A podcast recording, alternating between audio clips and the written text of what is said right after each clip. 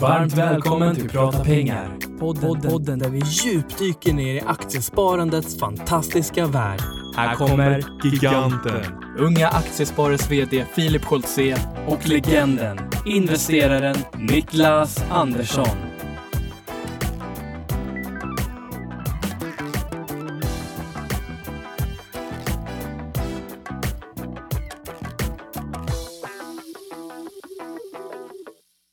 Säger vi äntligen måndag och varmt välkomna till podden Prata pengar. Men det är inte måndag idag, Niklas. Det är precis inför midsommar och vi har haft en uppesittarkväll. Det stämmer gott. Uppesittarkväll ända fram till tolvslaget. Idag är en viktig dag med valet i Storbritannien dessutom. Ja, så vi har inte, eller vi kanske har facit här idag. Ja, det, men det har vi nog säkert ikväll i alla fall. Jag trodde att det var halvdag på börsen, men ack vad fel jag hade och vad lycklig jag blev. Vi har full dag idag. Exakt. Sen har vi slutsiffrorna kommer in här vid 11 ikväll någonstans.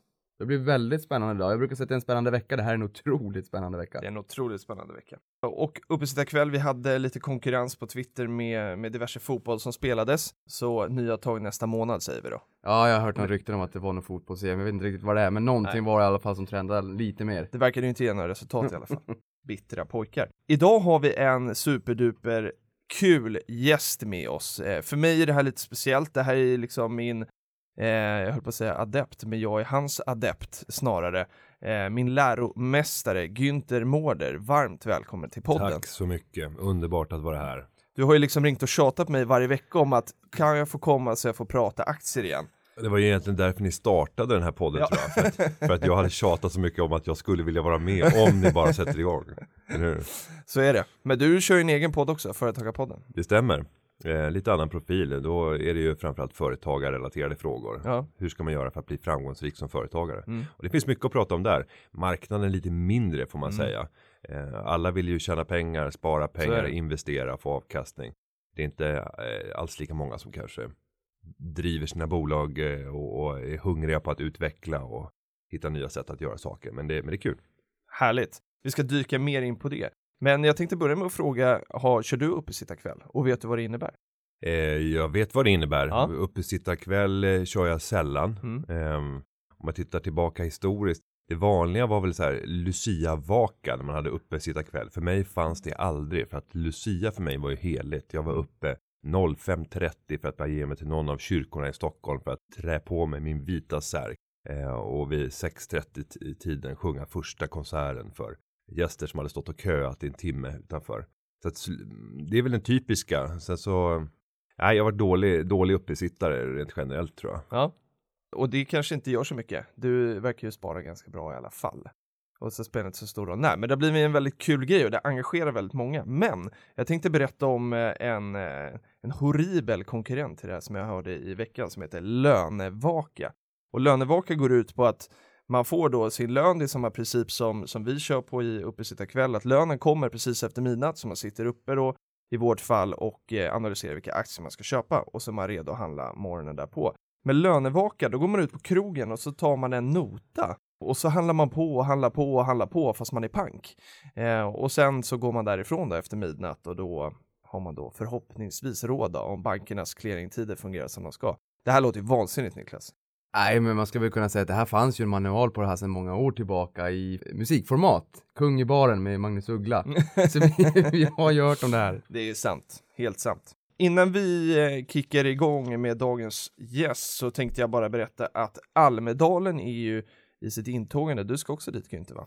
Ja det stämmer. Jag har eh, 25 olika framträdanden. 17, herregud. 17 officiella. Eh, en inofficiell för Oh. aktiespararna. Vad spännande. Ja, de är, aktiespararna, det här gillar jag, det är sparad krona, men, men det är inte speciellt mycket Almedalen. Eh, de har valt att boka en lokal väldigt långt utanför Mhm. själva politikerveckaområdet. Ja.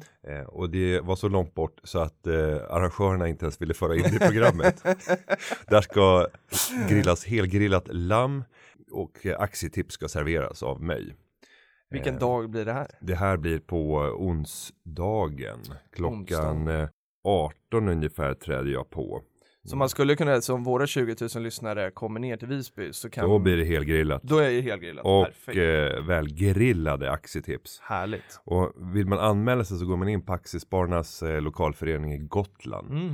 Så skri, skriv bara Aktiespararna Gotland så Mm. kommer ni in på aktiviteten. Och jag tror att den börjar tidigare än så, att den börjar kanske 17 eller Ah, något sånt där. Det var lite Vi garanterad kikar. avkastning, vi kanske ska skriva upp det där. Då. Jag tycker det och ännu mer garanterad avkastning och ännu fler framträdanden än vad, än vad vi kommer göra. Men härifrån eh, så har ju vi Ung Privatekonomi. Eh, Ung Privatekonomi kommer delta på tre stycken seminarier i år. Eh, och framförallt en med Nordea där vi är eh, där vi ska presentera lite statistik som vi har samlat under året. Det heter Unga syn på privatekonomi och det är måndag den fjärde på Hästgatan 3 8.30. Och sen gör vi med Sparbankerna samma dag fast 14.00 på Hamplan. Och sen på tisdagen så är det Länsförsäkringar. Hur drabbar bostadskrisen unga? Hästgatan 3D också 13.30. Sen är Där ni, kommer jag Sen vara. är det ju på Hästgatan 2 ni ska vara. Är det på två? Nej, nej, nej, det är inte det jag säger. Nähä, men, men det är där ni det, kommer det, vara Det är där man ska vara. Det är där ja, man nej, ska men vi har ju lokalen bakom Donners brunn. Det Ja. är ju liksom hjärtat i, i, under hela politikerveckan. Om man tänker att man är inomhus på Donners brunn, det är där vi hänger. Det är där ni Så vi kan till och med öppna fönstren till uteserveringen. Och så kan vi stå och dricka egen öl. Och fortfarande mingla med folk på Donners brunn. Vi kan göra det helt lagligt. Flytande procent. Sparad krona. Fantastiskt. Hur har din vecka varit Niklas? Jo men den har varit bra. Och där på Almedalstemat så kommer jag ju också vara där.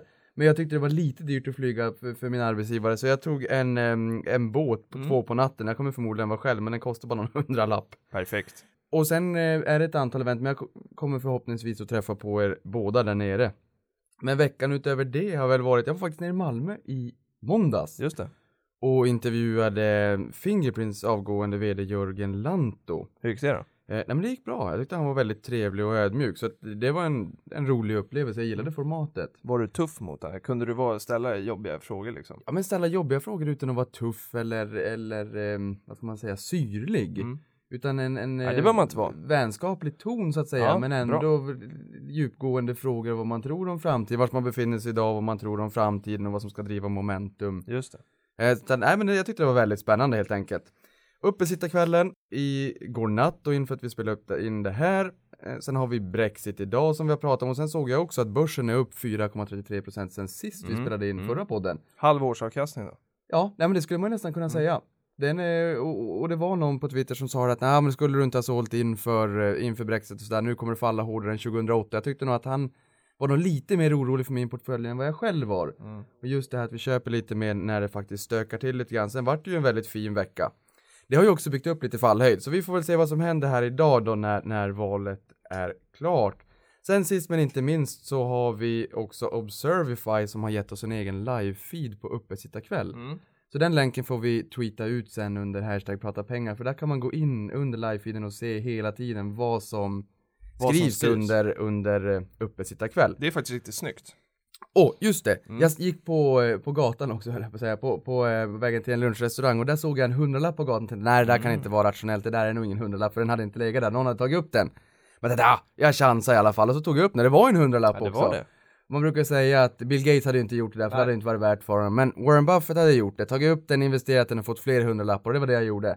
Fram till morgonen efter frågade tjejen vad det var för pengar och sa att hon behövde den och var den borta. Och det var Men- inte någon av de här ställena som blir obrukbara. Nej. Nej, det var en god tanke men nu är, nu är den inte längre i min ägo. Härligt. Men då tycker jag vi hoppar in på dagens huvudämne, Günther Mårder. Du har ju en lång historia inom aktiespararna och unga aktiesparare där vi sitter idag och spelar in. Var ska vi börja tycker du? Jag vet inte, egentligen så skulle jag ju kanske inte vara, vara här. Jag drömde ju om, om eh, först att bli professionell korist, Mm. sen så ville jag ju vara som min storebror som var punkare. Och det var punken som ledde mig in i, i unga aktiesparare. Härligt att höra. Eh, Så att eh, det, det var lite grann för att lära sig mot, motståndarnas argument. Jag gick på en föreläsning, jag var 14 år gammal. Och eh, ja, jag fick lära mig motstånd, motståndarnas äh, argument och, och, och blev en medspelare Mm. ganska snabbt. Och om man ska eh, försöka förklara då för våra lyssnare som är ju nu fler än antalet medlemmar som vi har, kan också bero lite på, på åldern. Alla kan inte bli medlemmar. Men varför ska man bli medlem i Unga Aktiesparare? Ja, men det handlar ju om att man vill ha kunskaper och bättre förutsättningar att kunna bli framgångsrik i sitt sparande. Ehm, jag hade aldrig nått dit jag har gjort i, idag om det inte vore för att jag tidigt gick in med i förbundet, fick eh, möjligheter att få access till kunskap till människor som hade gjort en investerarkarriär tidigt och framförallt kunna gå på fysiska utbildningar, kunna ta del av, av bra material, fin tidning. Så att för mig har det betytt väldigt mycket och framförallt så är det ju människor som behövs för att inspirera och, och föda glöden som gör att man fortsätter.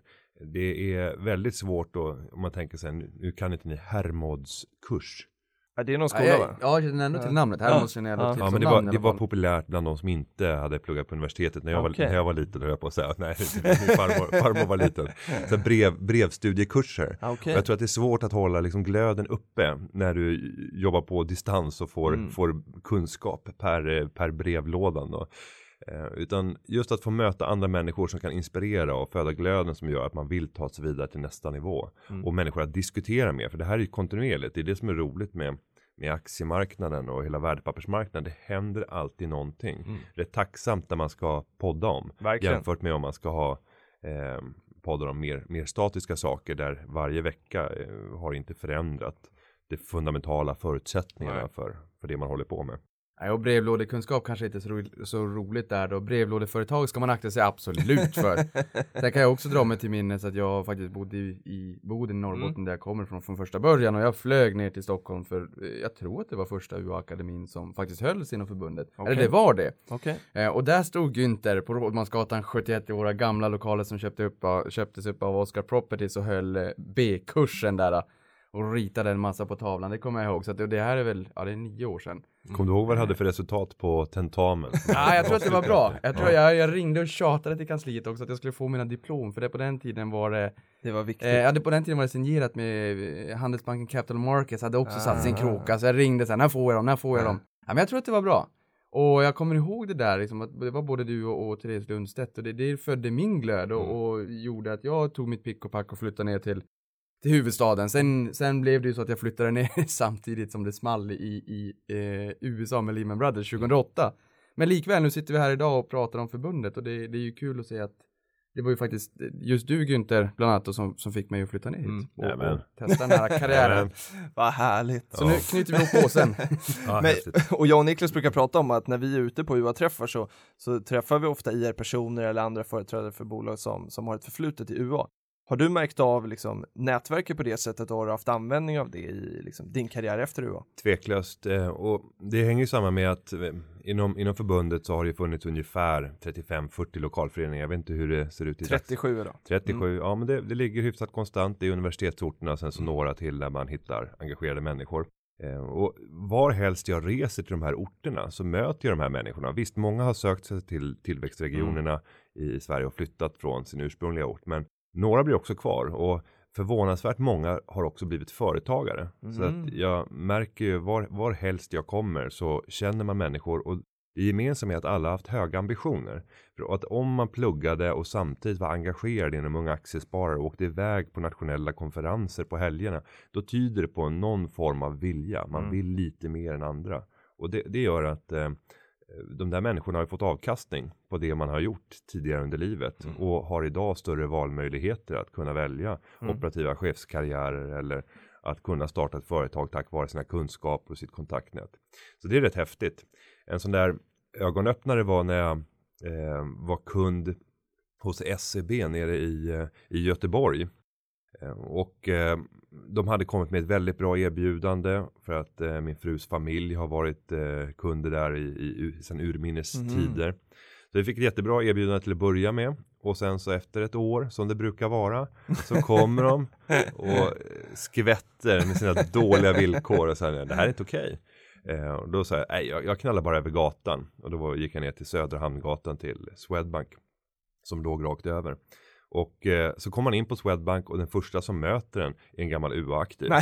Och sen kommer man vidare, ja då träffar man en som satt i valberedningen i Aktiespararna några år tidigare. Sen kommer man in på, ja, det är att ta i och säga handlargolvet, men, men, men de har fyra, fem mäklare på plats Okej. på, på Söderhamngatan i, i Göteborg. Mm. Och ja, det var väl bara en som jag inte visste vem det var. Alla andra Oj. hade jag haft kontakt med. Och när de börjar skrika till eh, private banking-chefen där att Günther ska bli kund, ge honom ett riktigt bra erbjudande. ja, sen dess har jag varit kvar. Eh, och det där visar lite grann eh, ja, vad mycket kontakter Mm. gör och även för, för deras del. För att helt plötsligt så hade de någonting de kunde sälja Mm. som ingen annan hade och det var ju liksom kontakterna. Att du gillar de här människorna, du fick återse dem tio år senare. Mm. Och man litar på människor på ett helt annat sätt och man vet hur, hur man var på eh, galna konferenser när man var 18, 19, 20 år. Liksom. Men om du, om vi tänker oss då att det sitter, för det är någonting som jag och Niklas möter ganska ofta, att när vi pratar om det här, många tycker att det låter spännande och engagerar sig, men de säger då att nej, men jag kan för lite om aktier. Vad hade du svarat en sån person? Ja, det är därför du ska engagera dig. Exakt. Eh, för att i grunden, det handlar ju inte om att du ska komma in och vara världsbäst på, på aktier. Då ska du förmodligen göra någonting annat. Eh, sitt och trada eller liksom gör karriär inom finansbranschen. Men det här handlar ju om att man har ett intresse för att lära sig mer, vilja lära sig mer om andra människor. Eh, utvecklas tillsammans, ha jäkligt skoj. Det är det det handlar om. Inte om de faktiska sakkunskaperna. Nej. Efter unga aktiesparetiden så var du också sen på Aktiespararna, var vd där och så hamnade du på, på Nordnet där vi lärde känna varandra och jag var Güntern. Och nu har vi Ja, precis, du, du, du var ju en säljare jag, av, jag av, av sålde rang. in mig. Filip Enormt. En extrem säljare. B- började först med att mata mycket frågor till Svarpodden och sen så var det någon insamling. Vi gjorde någonting för Musikhjälpen. Det gjorde vi, just det. Och då var du i Jag var i Kanada. Kanada var det. ja, Och, och satte upp någon form av eh, Insamling. insamlingskonto för som att, hette för, att, Sparpodden. för att hjälpa oss på Sparpodden. och eh, där, direkt efter det så kom erbjudandet om att eh, jag kommer att jobba för dig. Mm. Eh, och så sålde du in både dig själv och, och två andra kompisar från, från plugget. Och, ja, Det funkar bra. där, där började det. Ja, och nu har vi precis rekryterat den tolfte Güntern då. Det har vi Eh, gjort. Det var lite tuffare gallring än vad jag var med om. Ja, det har blivit, det har blivit tuffare. Vi, eh, Filip fick vara med och det ska jag ha stort tack för. Eh, jag tog in Filip och även Joakim, en tidigare Günther Mm. och min nuvarande Günther Tove för en heldagsövning med fem stycken tester. Mm. Nio kandidater hade sållat ut och eh, de blev rejält grillade och sen avslutade vi med en härlig middag. Och då tror ju alla att nu är det över, nu kan man slappna av. Men Mm. i själva verket så kom det in ytterligare personer som satt och bedömde social skills på plats. Men jag skrev kontrakt igår med eh, min nästa Günther, den tolfte ordningen. Günther 12 är det alltså. Eh, och jag kan inte avslöja än. Du kan inte göra det? Nej, för att eh, den här personen har inte sagt upp sig än. Jag, jag tror att det skulle vara tråkigt. Även om den här släpps på måndag så är det, nej vi struntar i det då. eh, ja, eller eftersom den släpps på måndag så tror jag att det är Jo men det, det är okej. Om, då, Ja. Hon har haft gott, gott om tid. Eh, hon heter Amanda Svensson. Härligt. Eh, och hon aceade testerna och bara sprudlar av entusiasm och glädje. Så det känns, eh, det känns lovande. Hon kommer att eh, platsa i vårt gäng. För Mm. vi fortsätter ju även. Alla gamla Günthers. Jag ska ju ha som mål att eh, man gör någonting tillsammans löpande under året. Där man får skola in nästa och, och tacka av den avgående. Och framförallt hjälpa varandra Mm. i karriären. Stort grattis Amanda. Ja det måste vi säga. Och vi lovade ju faktiskt under den här rekryteringsdagen att vi skulle presentera det i podden, så det var ju kul att vi, att vi kunde få göra det. Och företagartiden nu då, hur, eh, hur känns det att liksom inte få prata aktier dagligen? Är det, Jag får ju, jag får ju prata aktier och för det är mycket aktiesnack på Twitter ändå. Ja det är det ju och eh, jag menar aktier, varenda bolag består ju av, av aktier och jag företräder företagare som det de äger är ju sina bolag genom att äga aktier. Sen så är det ju mer onoterat såklart. Eh, sen så har jag ju fortfarande min, min följarbas i sociala medier Just som gör att det fortfarande blir rätt mycket börs. Börsen är mitt största intresse. Men det är klart, i, i det yrkesmässiga, nej jag kan inte lägga professionell tid på att eh, hålla mig informerad och eh, ägna mig åt sånt som är, är menat att stärka mina kunskaper inom börsfältet. Så är det. Och det där blev påtagligt. Jag, jag blev inbjuden i igår, det var ju förra veckan då, på institutionella ägares förening. Mhm. Det där är, Det låter det där är föreningarnas förening. jag är även engagerad inom, jag sitter i styrelsen också för Styrelseakademin. Alltså det är styrelsernas styrelse. Men, men eh, just institutionella ägares förening, det är rätt mäktig församling när man sitter eh, och du har vd och ägarstyrningschef Mm. för alla de största fondbolagen och pensionsbolagen i Sverige. Mm. Totalt sett så kontrollerar de, ja förmodligen är det väl det dubbla BNP i Sverige. Eh, Över 8 000 i- i- miljarder. I, i, såna, i sina Otroligt. portföljer. Mm. Och eh, diskuterar ägarfrågor och hur de ska ställas i olika typer av frågor. Men jag var inbjuden att diskutera ersättningsfrågor. Och nu, nu har man ju ett helt annat perspektiv. Så det var jag och eh, Kalle Benetto och Helena Stjärnholm heter man på Industrivärden och Karina Markov Lundberg. Meningen var väl att vi skulle ha väldigt konflikterande åsikter men, men eh, nej det hade vi nog inte. Jag är, väl, jag, är väl, jag är väl möjligtvis den mest extrema som tycker att vi ska återinföra adelsväsendet. Jag tycker att det hade varit lysande. Alltså det är det billigaste sättet att eh, liksom ersätta Verkligen. människor i samhället. Mycket i samhället handlar ju om social status. Mm. Och när Om vi man skulle få en Sir-titel då så. ja, när vi har tagit bort alla de här liksom, fina sakerna som kungen kan dela ut, Mm. eller riddarhuset. Och, eh, ja, men då blir det ersättning som Mm. är den måttstocken. Mm. Och att kunna synas på de här ersättningslistorna över vdarna som är bäst betalda. Mm. Och vem vill ha en vd som är betald lägre än snittet? Då måste det betyda att du har en vd som är Mm. sämre än snittet. Mm. Eftersom du inte behöver betala så mycket. så att den här transparensen har lett till att vi har fått ett lönerace bland direktörer i, i Sverige som är osunt. Och eh, jag tror att det hade kunnat hämmas om vi hade dragit tillbaka transparensen något. Jag tror inte att det hade haft något, något, eh, något problem. Om vi litar på vår styrelse så litar vi också på att de förhandlar fram bra ersättningar. Men transparensen gör att vi driver utvecklingen uppåt. Mm. Och sen så kunnat hänga på lite medaljer och lite band. Mm. Det hade varit billigt. Det hade varit riktigt billigt. Mm. Och det leder oss in på det som är hashtag sparad krona. För under Norden-tiden så lanserade du den här hashtaggen och eh, det har bara strömmat in tips från dig och sen börjar gemene man också så här skjuta in tips. Så den rullar ju hela tiden både på Twitter och Instagram va? Och, och jag tänkte så här, har du några tre lite knasiga sådana här tips som du skulle vilja dela mer av i Prata pengar? Ja men knasiga, jag vet inte. Eh, Det, det viktigaste när man ska jobba med sparad krona, det är ju att titta i vardagen och vardagsgnetet. Det är ju där de största Mm. eh, besparingarna finns, finns gömda. Jag trodde ju att jag skulle förändras beteendemässigt när jag intog en, liksom en direktörsroll, jag skulle bli vd på Företagarna. Eh, och att jag skulle bli lite mer återhållsam i mitt beteende. För du vet hur jag betedde mig i, lunchrummet på Nordnet. Jag såg aldrig köpa lunch. I Nej. princip, och när du gjorde det så var det någon fryst Findus-låda för 35 spänn. Ja, en sån här Excel-portion. Ja. Fick mycket för pengarna. Det är väl ändå Orkla Foods. men, eh, nej, men jag har, jag har tyvärr fortsatt med min, min last att liksom som en hök bara bevaka i lunchrummet. Var finns det mat som inte äts upp? Mm. Och du kan oftast få en fantastisk buffé. För de flesta människor köper alldeles för mycket mat och de orkar inte äta upp. Eh, det, det har jag fortsatt med. En bra grej Tyvärr. alltså. Ja. Ja. Ja, så har jag ju cyklat hit. Jag, jag cyklar, cyklar varje dag. Hur mycket sparar du på det då? Eh, ja men efter trängselskatternas inför, eller införande, jag ska säga Ökning. ökning. så är det ju rätt stora belopp. För jag passerar ofta kring den tiden då det är 35 Ja, just kronor. så 70 kronor bara i trängselskatter Mm. och sen så allting ovanpå det när det gäller bilkostnader, vilket är hutlöst. Så, um, och, och parkering för att inte tala om det. Mm.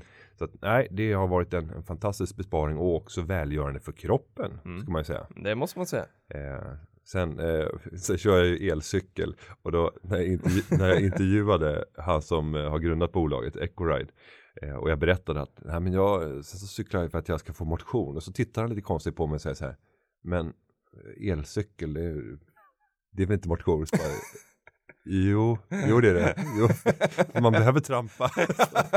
Nej, och just när grundaren av bolaget säger, men det är väl inte, Det är inte det här är inte, det är inte motion. Jo, det är det. Nej, jag har för- för första gången eh, liksom minskat i vikt under en längre tid.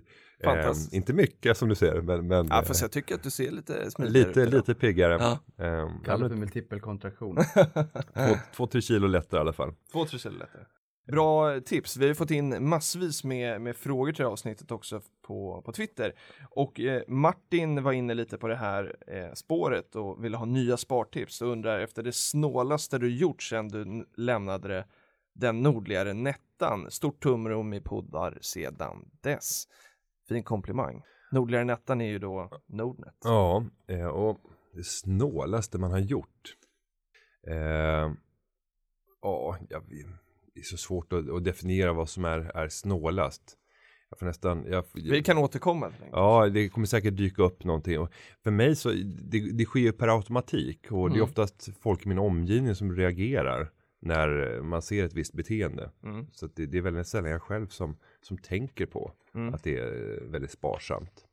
Men då ställer jag den här frågan istället som kommer från eh, Kul att spara. För du hade ju Sparpodden tidigare med Jan Dinkelspiel. Eh, och Kul att spara frågar om du saknar John Dinkelspiel eller om du rent av träffar honom på fritiden. Jag saknar honom inte Du alls. saknar honom inte alls. Inte alls. Och här kommer Jan! Jo, men vi hade ju otroligt kul tillsammans. Ja. Eh, det blev ju som någon form av, av ett brodersförhållande. Vi var ju som två brorsor som, som var lite i luven på varandra men som såg på vår uppväxt helt olika. Och, Var väldigt Eh, olika också. ja, det får man ju säga. Men eh, jag blev ändå liksom en del av familjen kändes det som. Jag fick träda in i familjen Dinkelspiel. Sen blev jag aldrig bjuden till, till eh, julafton eller sådär. Men jag tror nog bara att det var av, av ren glömska. Att de kanske inte kom, kom på det, att, att de hade glömt att bjuda in eller liknande. Men eh, vi ses lite då och då. Eh, mycket mer ska jag säga än vi gjorde under den tiden. Mm. Då sågs vi bara på jobbet, aldrig Mm. privat. Det hände, Nej. det hände en gång att jag fick inträ, inträda i hans, i hans hem. Men nu har det varit lite oftare sen, sen dess. Ja. Och det skulle vara kul att, att göra någonting tillsammans även i, i framtiden. Eh, för att eh, nej, man ska välja människor som man har roligt med, för då kommer också resultaten. Och livet är för kort för att liksom, jobba och göra saker med folk som man inte har roligt med. Verkligen. Det låter nästan som att den ledande indikatorn för att han saknar det lite grann. Uppenbarligen. Så kan det vara. Ni kanske ses på Djurgårdens matcher, både du och han är djurgårdare. Ja, men jag, jag är ju mer av en derbygårdare. Ja, okej. Eh, Och, och inte ens det nu för tiden. Och så min fru blir väldigt orolig eh, om jag ska gå på ett derby. Så att det, det är ytterst sällsynt fortfarande. Mm. Eh, så då har det väl blivit snarare någon sån här familjematch när man tänker att det ska bli en bjudvåffla. Förra året så var det mot Falkenberg. Så här, ja, men, eh, liksom promenadseger och så åker vi på torsken då. Eh, så att eh, och jag, jag har svårt, jag har, jag har tappat en del känslor när det gäller just idrott. Jag tänkte på Mhm. det här i fotbolls-EM och när Sverige spelade mot, mot Belgien. Liksom viktig match, men för mig det, det händer inte speciellt mycket känslomässigt. För att eh, jag, jag ser på, på matchen och ser att de står och sparkar den här bollen och bara, åh, vad, vad gör det här egentligen? Mm. Nå, någonstans så kanske jag, ja, jag, jag har fått för stor distans till, till idrotten. Sen kan det bli av individuella prestationer och där man ser den enskilda Mm. människan och framförallt individuella idrotter där det blir så Mm. tydligt. Ja. Där kan jag bli väldigt berörd fortfarande, men då är det snarare så att man blir tårögd när man kan se någon, blödig. någon liksom svensk triatlet, jag vet inte vad hon heter ens liksom, men som har nått framgångar. Det kan vara helt obetydliga sporter. Ja, kör du Niklas. Mellanspelen där med Ja. tanke på spelbolagen, det är Mm. ju egentligen ett sätt som, jag är ju inte speciellt duktig på sport och gillar väl inte riktigt heller, men det som jag tycker är kul är också kunna se när det blir lite skrällar och sådär, man vet det är bra för spelbolagen. Mm. Eh, och sen har jag också noterat att spelen på Brexit faktiskt ligger i nivå med fotbolls-EM. Vilket har gjort I att omsättning då? Ja, vilket har gjort att spelbolagen har fått sig en riktig hack, eller guldgruva egentligen på, på oddsen där. Förutsatt nu att de inte har fel då såklart. Mm. Eh, Men där också har jag sett att man, man faktiskt eh, refererar till hur opinionen ser ut baserat på oddsen och spelbolagen också för att de har ett bä- bättre track record, Mm. tydligen. Mm. Eh, Där måste vi nästan dyka in på en kommentar också om det amerikanska valet. Ja, ska vi göra det? Ja, det tycker jag. Vad händer om vi får en Trump vid, vid rodret? Det kommer, det kommer vi inte få. Men- Men Det vad känns händer? Ja, det känns skönt det också. Världen kommer att överleva. Men, men sen så, för den som känner en oro över det så skulle jag gå in på SVT Play och titta Mm. på den amerikanska dokumentären som heter åtta år med Obama. Mhm. Och det är extremt slående när eh, man får se Obama slå ut med händerna och bara säga varför händer ingenting? Mm. Jag är Amerikas president. Och det handlade ju om sjukreformen, Obamacare. Och liksom hur han fick hålla på och kämpa och det, blev, det, det hände ingenting. Eh, Så man har otroligt lite makt som tänker president. så. Ja. Och det var ju det som blev så slående. Mm. När han dessutom hade faktiskt eh, både senaten och, och kongressen eh, hyfsat med sig under, Mm. under den perioden. Men, men det var ändå problematiskt. Mm. Och föreställ dig då när du har en, en värld där du inte har kongressen och, och senaten med dig. Som president, du är närmast bakbunden. Det är ju någon form av representativ roll Mm. i många avseenden. Så att vi tillskriver en president alldeles för, för stort inflytande Mm. än vad de i själva verket har. Mm. Ja, intressant. Vi får se. Det blir ju höstens stora, stora följetong då. Ja, den går av stapeln i november va? 8 november tror jag att det är. Så är det va? Mm. Nästa fråga kommer från Johan Höjvall och han säger så här. Han vill ha senaste uppdateringen kring hans då, alltså Günthers uteblivna aktieinvesteringar. Det får du ju kommentera på. Och sen vill han också ha en lägesrapport om portföljen helt enkelt. Han Hur vill- ligger vi till? Han vill helt enkelt ha ett, ett doktorsutlåtande. Hur går det? Hur mår du med dina investeringar?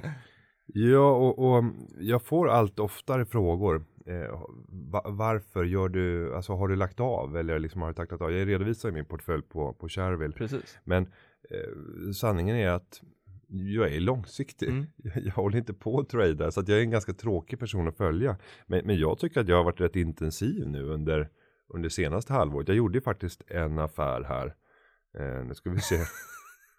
Varför kommer inte den fram? jo, men jag köpte, jag, jag är nästan helt säker på, och nu står det en massa utdelningar här. Ja, okej. Eh, men jag tror att jag, jag, jag fyllde på med, med microsystemation om Mm. inte jag har, har fel för inte allt för länge sedan. Ditt näst största innehav enligt Shareville då? Ja, och ehm, det, det är enskilt största eftersom det är en fond som utgör Ja, det största. Så, så det, det är tveklöst mitt privatekonomiskt absolut största innehav. Och där finns det ju en rad osäkerheter Mm. just nu kring framtida kryptering eller till och med kanske nuvarande kryptering av telefoner. Mm. Bolaget är ju ett, eh, har ju en teknik för att tömma telefoner på innehåll och sortera informationen för att kunna leda saker i bevis. Och det är ju framförallt menat för brottsutredning och interna blåsningar. Det kan även vara för militärt bruk. Mm. Men ju smartare krypteringarna blir, desto högre krav ställer ju det på att man har en dekryptering av, av ehm, den, Datan liksom. den ja. data som man ska komma åt. Och jag törs inte säga, jag är inte tillräckligt eh, tekniskt bevandrad för att säga om det här kommer att bli ett stort problem. Men det är somliga på marknaden som anser Mm. att det här kommer att fälla bolaget fullständigt. Mm. Eh, Jag är inte, inte alls lika övertygad om det. Och vilka är kunderna? Det blir mycket myndigheter då som du säger, men är det i Sverige primärt eller är Nej. det? Nej, FBI har varit största kunden, sen Met- Metropolitan Police Mm. och sen är det revisionsbyråer Ja, runt är om i, i världen. De stora revisionsbyråerna som använder det för interna blåsningar. För det är ju inte, om vi tänker, vem är det man kan gripa, ta telefonen, tömma på data och sen fälla i, när det gäller eh, brottslig verksamhet. Ja, det är ju inte den som har kört ett värdetransportrån. Nej. För de sitter inte med sin smartphone och trycker in alla grejer. Bara, vad, vad, var adre- vad var adressen nu? Eh, vad, vad var gömstället? Vi gör, hur lång tid tar det att åka dit? Utan de jobbar ju med engångstelefoner. Mm. Alltså där du har kontantkort och du, du dödar varje telefon efter varje samtal. För då är du helt safe. Mm. Det går inte att hitta den kedjan. Sen kan man ju då se ett telefonnummer som bara används en gång Mm. på en telefon. Ja men då, då är det rätt sannolikt någonting som är fel. Mm. Om det aldrig används vare sig förr eller, eller senare. Men de som är dumma, det är ju de som vi eh, säger handlar, eh, håller på med ekonomisk verksamhet. Eh, som, så, som kan vara ren, ren brottslighet. Ja men det skulle kunna vara, jag säger som när Peter Settman var i studion med, med Micke Leijnegard. Leijnegard, heter han Mm. så? Har du sett den? När han pratar om, om eh, Micke som är SVT-programledare. Ja, Mm. och då står så Pe- Peter Settman i, i studion och sen så ska Micke göra en, en påa över till nästa avsnitt som kommer handla om eh, eh, vardagliga män som eh, köper sex och köper sex av barn. Det skulle kunna vara du. Och så tittar han, tittar på Peter Settman och han bara, vad var det här? Han har precis pratat om så ska det låta liksom. Jag vill inte hålla på att bli utmålad som någon form av sexköpare. Det skulle kunna vara du. Det skulle kunna vara jag. Så bara, Nej men lägg av. Eh, vad vill jag komma med det här? Jag vet inte. jo, jo, men vi var inne på någonting. Vi var inne på uh, microsystemation och kryptering och Jo, det skulle kunna vara telefo- du. telefonerna med Det skulle- information. Det skulle kunna vara jag. Eh, nej, men de här ekonomiska brottslingarna, Ja, de, de, de lämnar ju väldigt mycket spår efter sig. Och, och därför, typ så här interna företagsblåsningar, Mm. där är det väldigt bra. Så, eh, och jag har ju varit med om i, i min karriär att det har eh, förekommit ekonomiska blåsningar. Mm. Och där det förmodligen med den här tekniken hade kunnat gå att lösa Mm. betydligt mycket lättare. Mm. Men var det inte det också vi såg faktiskt i USA med Apple när FBI krävde att de skulle låsa upp en telefon? Men när de sa att de inte skulle göra det. Just det, och så blev det Mm, jätteirriterande. Ja, och sen sa väl FBI att de hade löst det ändå. Men jag tänker just det här med att faktiskt kunna, eh, ja både kryptera då såklart, vilket de då gör, men även dekryptera Mm. mm, både telefoner och meddelanden och allt vad det då är. Ja, och där träffade jag faktiskt en, en företagare, en medlem i, i Jönköping som bara skrattade åt det där och sa att det där är bara skitsnack.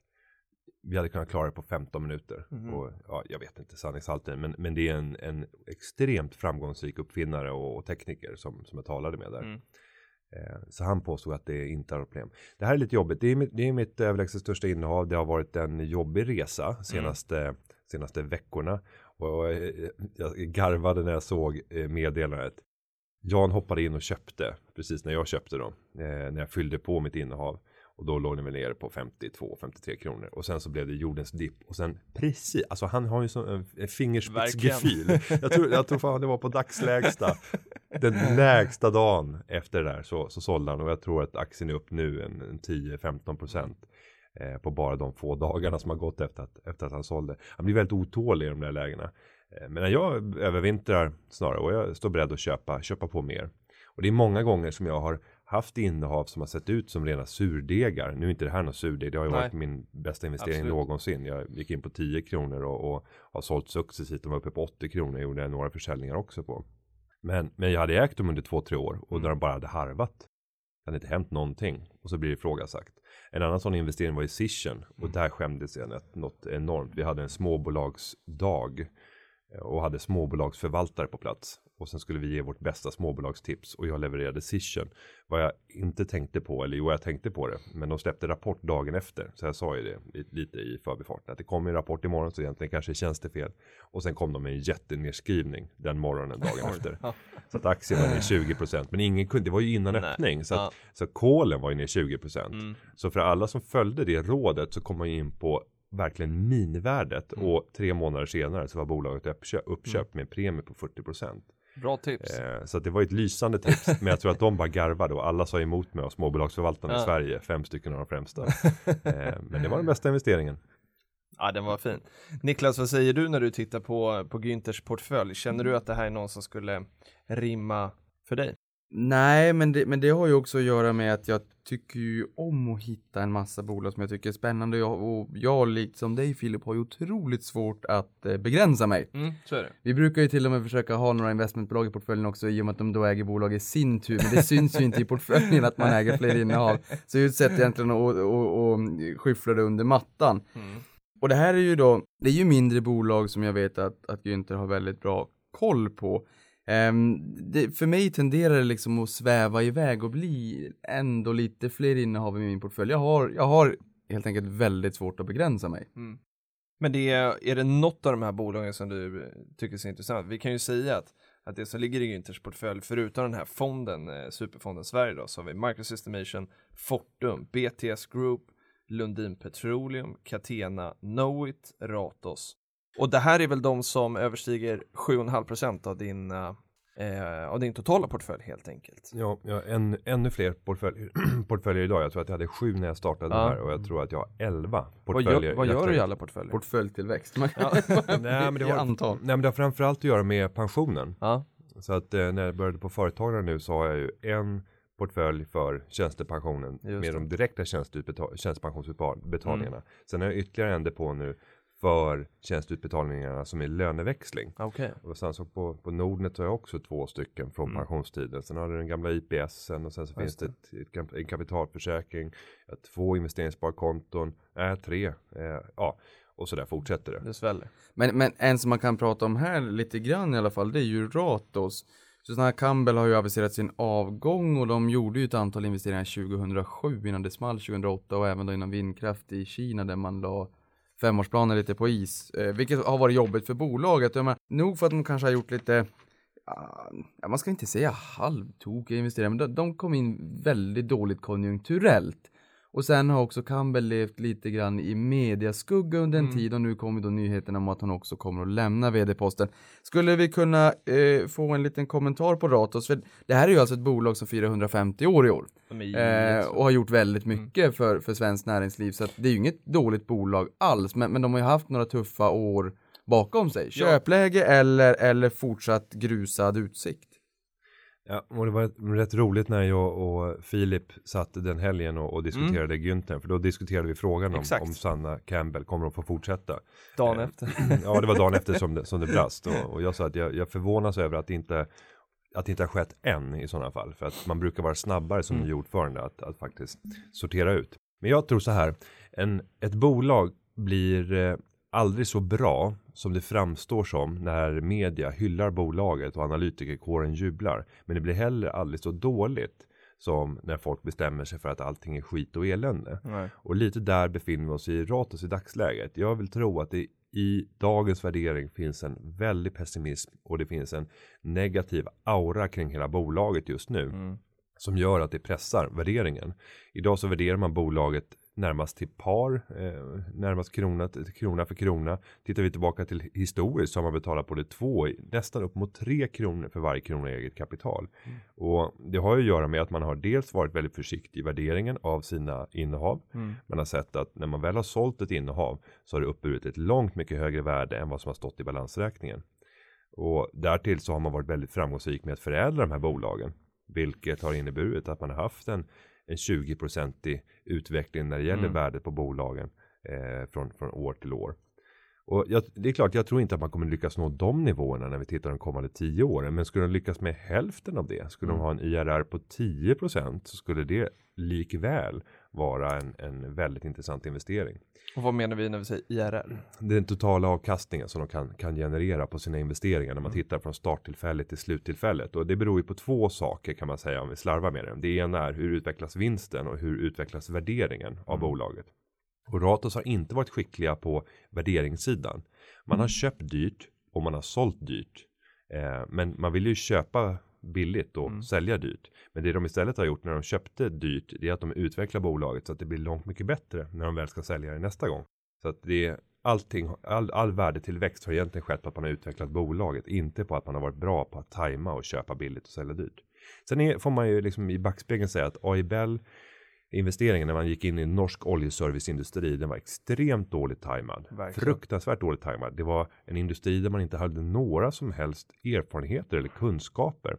Och jag blir ju livrädd när jag hör en liksom, norsk affärsman som var huvudägare i AIBL som bara skrattar i intervjun när Ratos har köpt det och sagt det är glimrande, det är glimrande.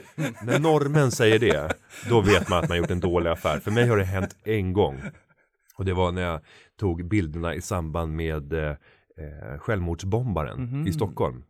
Eh, han smällde jag sin bil utanför mitt fönster hemma. Och min fru eh, och vi hade vår nyfödde son då, hon blev ju helt eh, upprymd och bara ring polisen, ring polisen. Jag bara Aldrig! Fram med kameran, fram med kameran! Så jag, jag stod och fotade. Så de där bilderna blev ju några av de mest spridda eh, på hela jorden under det Sålde kommande du det till dygnet. Aftonbladet då eller? Ja, jag sålde ju till alla tidningar. Jag Ja. skickade ju direkt mail till deras tips. Mm. Eh, alla har ju tipsmail. Så skickade jag ut och, och bifogade bilden. Och vad jag inte tänkte på då, det är att du fråntar ju alla förhandlingsmöjligheter. Och då kommer det in som en tipsbild och då är det så här, någon av kvällstidningarna har 888. Eh, och det betyder att man får 888 kronor Jaha. för en tipsbild. Och när jag har mött fotografer i efterhand så säger de så här, ett sånt där tillfälle, det inträffar liksom aldrig. Nej. Du har fångat i efter explosionerna så har du liksom de enda bilderna som finns snett tagna uppifrån i en perfekt vinkel. Ehm, och då tog jag ju kontakt sen med vad heter den, dagens, ja mot dagens när, nej. Ja, I Norge då? Ja, eh, Mm. DN Mm. i Norge. Och eh, när redaktören där, för det sålde jag för 5000 kronor. Och sen så frågade han, 5000 norske? jag bara, eh, inte det jag hade tänkt men jag vet att norska kronan då stod högre. Så bara, jajamensan, 5000 norske, glimrande! Och så garvade han. Nej, nej, nej, nej, nej. Jag menar naturligtvis schweizerfranc. Du är dum i huvudet. Nej men där på Norge också har vi förstått att det är, det, är ju jobbigt för dem med, med oljesektorn. Jag, vet, jag var eh, inför intervjun med, med Jörgen så åkte jag iväg till en herrgård en helg bara för att få ner stressnivån och kunna arbeta i, i lugn och ro. Självklart åker man till en herrgård. Jag satt själv och övervägde samma sak när jag var på väg hit. Borde jag inte åka till en herrgård bara för att få inre lugn? Och där, nej men där med, med ägarna också så, så var de lite nyfikna på, eh, på eh, mitt jobb och min arbetsgivare och, och sparande i största allmänhet. Så att eh, de sa att ja, vi bjuder på tre rätters middag förutsatt att du lär oss och, och berättar om hur man ska spara och hur man ska tänka. Och det här är andra gången det här har hänt. Här- Första gången var ju med, Då är det överhettat. hur? första gången var med, med en tågvärd som bjöd mig på allt och kom och gav Just mig en massa mat för, för att jag då pratade om sparande där också. Men, men i det här fallet så, så berättade de glad i hågen hur de hade köpt bitcoin på den högsta nivån och även, jag tror att det var Fingerprint, och de sa att det gick ju upp och då måste vi köpa, det kan ju inte gå annat än upp och han var ju jätte, han, han eh, var väldigt liksom, pratade eh, skojade om sig själv lite grann och sa att vi köpte på toppnivåerna båda gångerna. Nej. Och det gick ju åt helsike. Eh, men han pratade, eller då var det faktiskt eh, en annan person jag mötte där som, som var från Norge. Som, som sa just att, är det inte Stavanger som är oljehuvudstaden? Mm. Ja, sa att det är väldigt många nu som byter från oljesektor till, eh, till eh, vården. Eh, för att det är en lågkonjunktur inom oljesektorn. Hotellen brukar vara fullbelagda. Det, det, de har väl en olje, olje, oljemässa där också. Det är tufft för dem. Och det är väldigt många som byter bransch. Sen kan det vara så att man kan övervintra även här då, eh, så att säga. Men, men det var ändå intressant att höra hur det faktiskt ser ut där borta. A- Apropå bitcoin där, jag tänkte en brygga över till Mm. en annan valuta som röner stor uppmärksamhet nu och som får många att eh, liksom, ta upp lädet och, och kasta in pengar. Onecoin, Just det. har ni stött på det? Jag har som hört det som namn och begrepp, ja. Men, men inte mer än så. Eh, men, men innan du fortsätter med det måste jag ju bara säga att bitcoin tycker ju jag är mer att spekulera än investera, men just blockchain-tekniken är ju otroligt spännande. Vi hade ju även vdn för, för Nasdaq, alltså Stockholmsbörsen då, som var ute och pratade om det här, hur man faktiskt kan applicera och anamma den här tekniken och eh, förkorta avvecklingscykeln för aktieaffärer T plus 2, alltså trade date plus två dagar, så köper du en aktie på onsdag, den avvecklad på, eller på måndagen, den är avvecklad på onsdagen. Det vill säga aktier och pengar byter ägare så att säga från måndagen till onsdagen då. Och där pratar man om blockchain-tekniken som att man, man faktiskt kan avveckla dem på 10 minuter och det här är ju revolutionerande. Vi har ju tusentals människor på bankerna som sitter och gör det här jobbet som skulle kunna göra någonting annat kanske som adderar mer värde till, till, till sin arbetsgivare framåt. Nej, och det, det som är intressant är ju att investera i de som kan tillhandahålla tekniken och skapa tekniska lösningar inom en regulatorisk miljö. Men de flesta av de lösningar som kommer nu när det kommer kryptovalutor, det, de är ju menade att finnas utanför det regulatoriska systemet och det gör att jag tror att det finns inte förutsättningar för att etablera det. Nu har jag allt fler som börjar prata om OneCoin där man ska hålla upp pengar och vara med innan det släpps och det är närmast pyramidliknande. Så um, det kan vara ett tips inför ett framtida avsnitt att eh, Ja, granska det verkligen. här. Jag tror att det kommer växa. Jag hör allt fler, framförallt företagare som har blivit närmande med det här. Och där man pratar om att det här kommer bli fantastiskt. Den här valutan vill du inte missa. På, gr- på grund av att eh, titta på vad som hände med bitcoin och så hänvisar man till någon, någon DI-artikel. Norrman köpte bitcoin och glömde bort dem. Hittade hårddisken och upptäckte att han var miljonär. Ja, just det, den där kommer jag ihåg. Och, och, och just när man pratar om en valuta som att man ska tjäna pengar på valutan och bli Mm. miljonär. Då är det så här, men vänta nu, då är det inte en valuta. En valuta kommer aldrig att liksom Nej, få acceptans. Så fort du får de svängningarna i värdet som är mer än 25, jag brukar säga 25-30% i svängningar i värde på ett år. Mm. Då kommer det spridas en rädsla hos de som ska bruka valutan. Mm. För det blir för stora osäkerheter och då kommer man fly till en annan valuta och så bara omedelbart växla in det nödvändiga behov man har för att göra de transaktioner som är nödvändiga. Mm. Och, och det där är ett bra, ganska bra motargument för de som börjar Mm. diskutera och förklara hur fantastisk den här valutan är. Nej, då kan det vara ett digitalt samlarföremål. Och det, så kan det vara. Det kan Men vara. vi hade väl hockeybilder allihopa när vi var små. Vi kunde läsa i Beckett, tidningen där man värderade hockeybilderna. Att den här bilden är värd 150 dollar. Och den är inte riktigt det idag. Nej, Men riktigt. under ett kort ögonblick där så motsvarande och det fanns faktiskt en möjlighet att sälja de här hockeybilderna Mm. när allting var tillräckligt hysteriskt. Så det här finns ju i alla tider Ja. men det tar sig i olika former. Och, och jag tror säkert att jag betalat flera hundra för ett enskilt hockeykort i historien. Och det var ju en ren blåsning såklart. men det fanns ett värde just där och då. Men fundera då över tid. Ja, det låter ju lite grann som Tulip Mania på 1600-talet, det small 1637. Verkligen.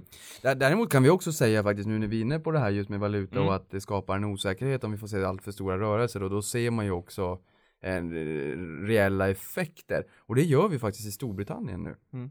Eh, där kunde man läsa på nyheten nu här under morgonen att britterna går till, eh, till bankomaten och växlingskontoren. Eller inte till bankomaterna, till växlingskontoren och växlar till sig euro och dollar istället. Mm. Och anledningen till det är ju att man, man har sagt att man kan säga en momentan eh, dipp, en ordentlig dipp i pundet om det är så att det skulle bli en Brexit. Men om det skulle bli åt det andra hållet så ser vi att folk faktiskt hamstrar utländska valutor. Mm. För det är ju inte roligt att sitta på en inhemsk valuta som går ner kraftigt mot, mot eh, de utländska valutorna, speciellt inte om man ska ut och semester och köpa lite glass och, och drinkar.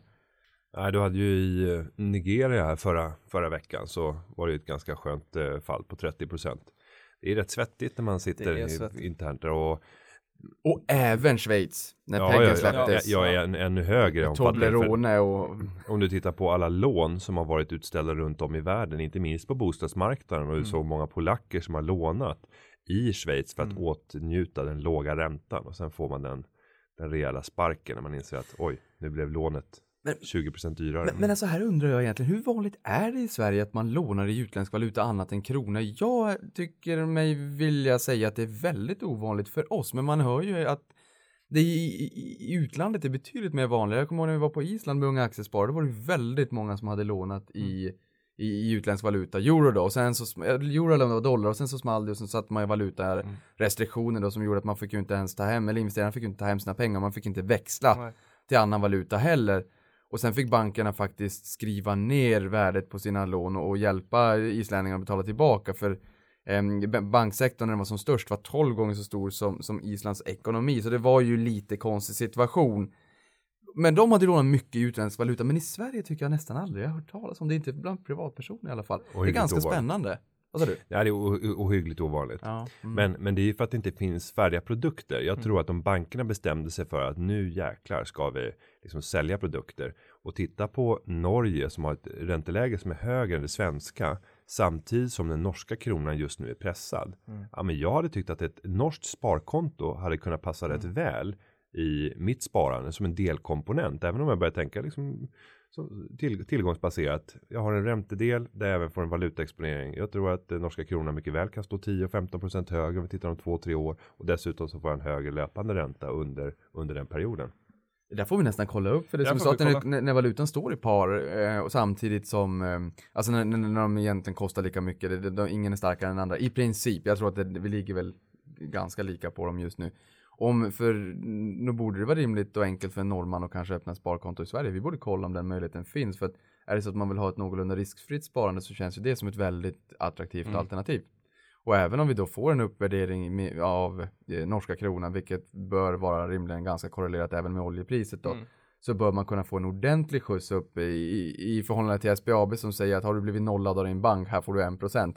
Eh, vi har en inflation på 0,8 och en kärninflation med fasta, fasta eh, bos, vad heter det? räntor på, bostaden, på bostäderna på 1,4 procent. Det blir inte mycket kvar i slutändan. Nej. Inte alls. Vi går tillbaka till eh, en fråga. Men, Ja. men innan vi går till frågan. Niklas? Ja, eh, vi, på, på Ratos där. Mm, mm. För eh, min tanke är ju att vi ska inte snöa in oss på det, men de har ju sålt väldigt många bra innehav.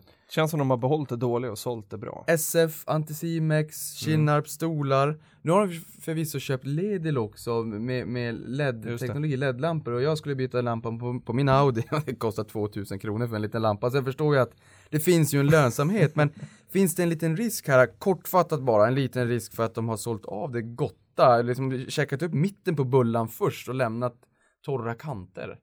Nej, men jag- jag tror att de har en allmän vy där vi eh, nu senaste året har sett väldigt eh, höga värderingar. Jag menar, titta på det noteringsklimatet som är.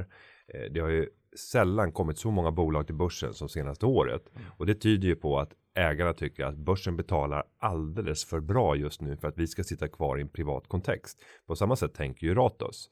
Och då gäller det att fundera över vilka bolag vi kan sätta på marknaden och åtnjuta de här höga värderingarna som finns. Och då är det ju framförallt de välskötta bolagen.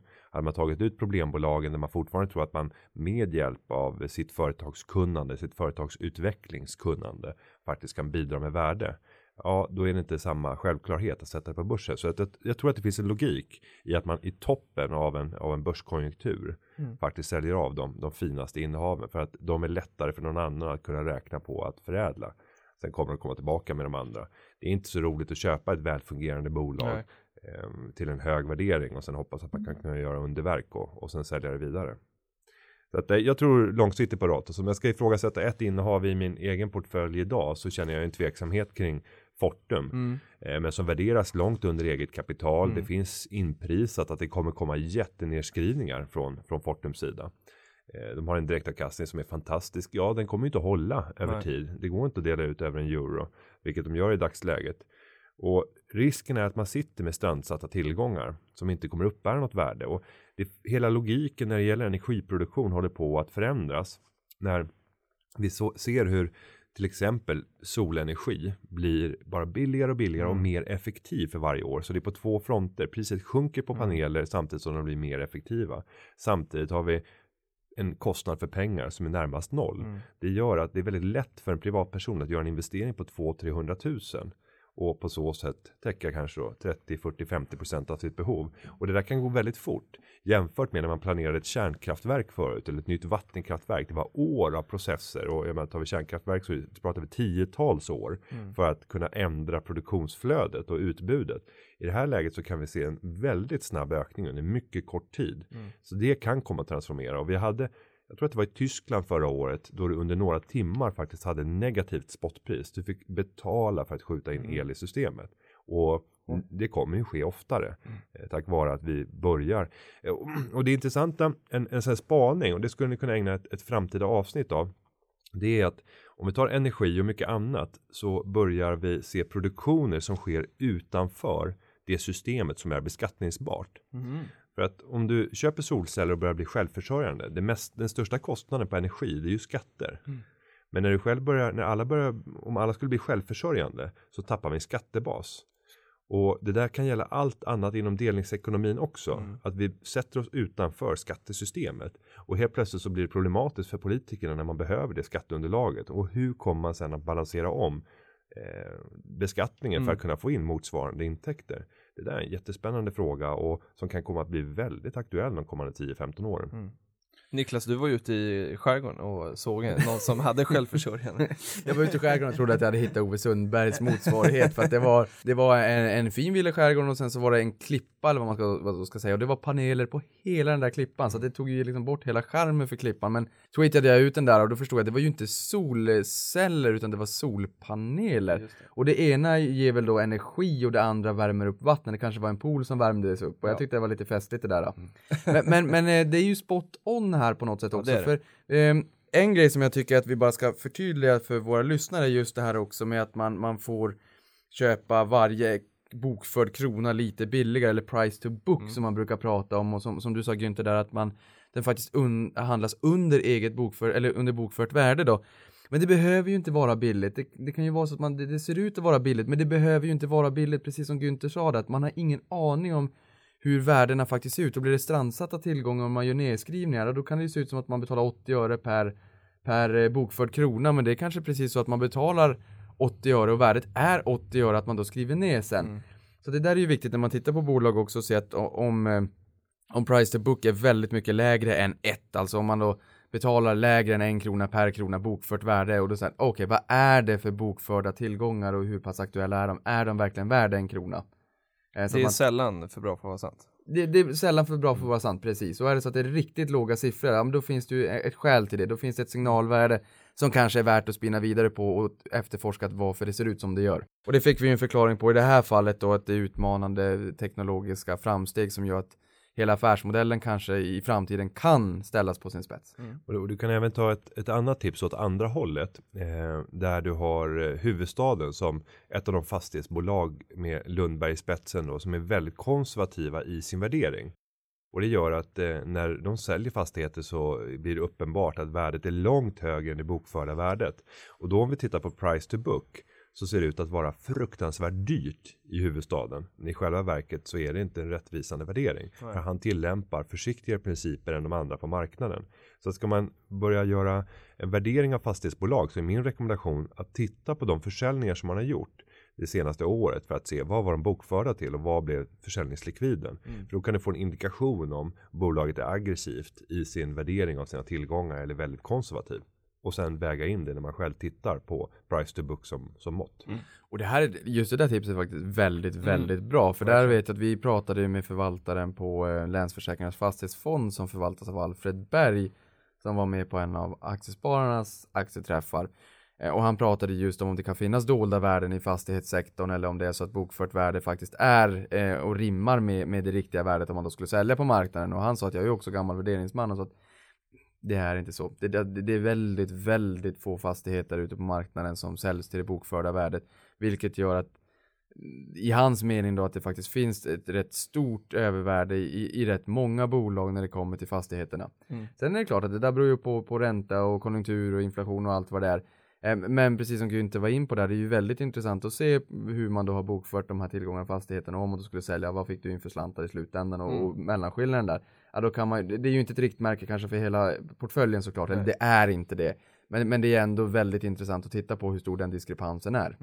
För, för det är ju ungefär som att, att trycka ner en badboll i en badpool. Om du trycker ner den där badbollen under vattenytan, sen när du släpper den då åker den ganska snabbt upp i vattenytan. Och det är ju egentligen samma sak om man skulle teoretiskt sett säga om jag säl, säljer alla fastigheter i det här bolaget, vad skulle jag kunna få betalt på marknaden kontra vad faktiskt eh, bolaget har, har bokfört det till.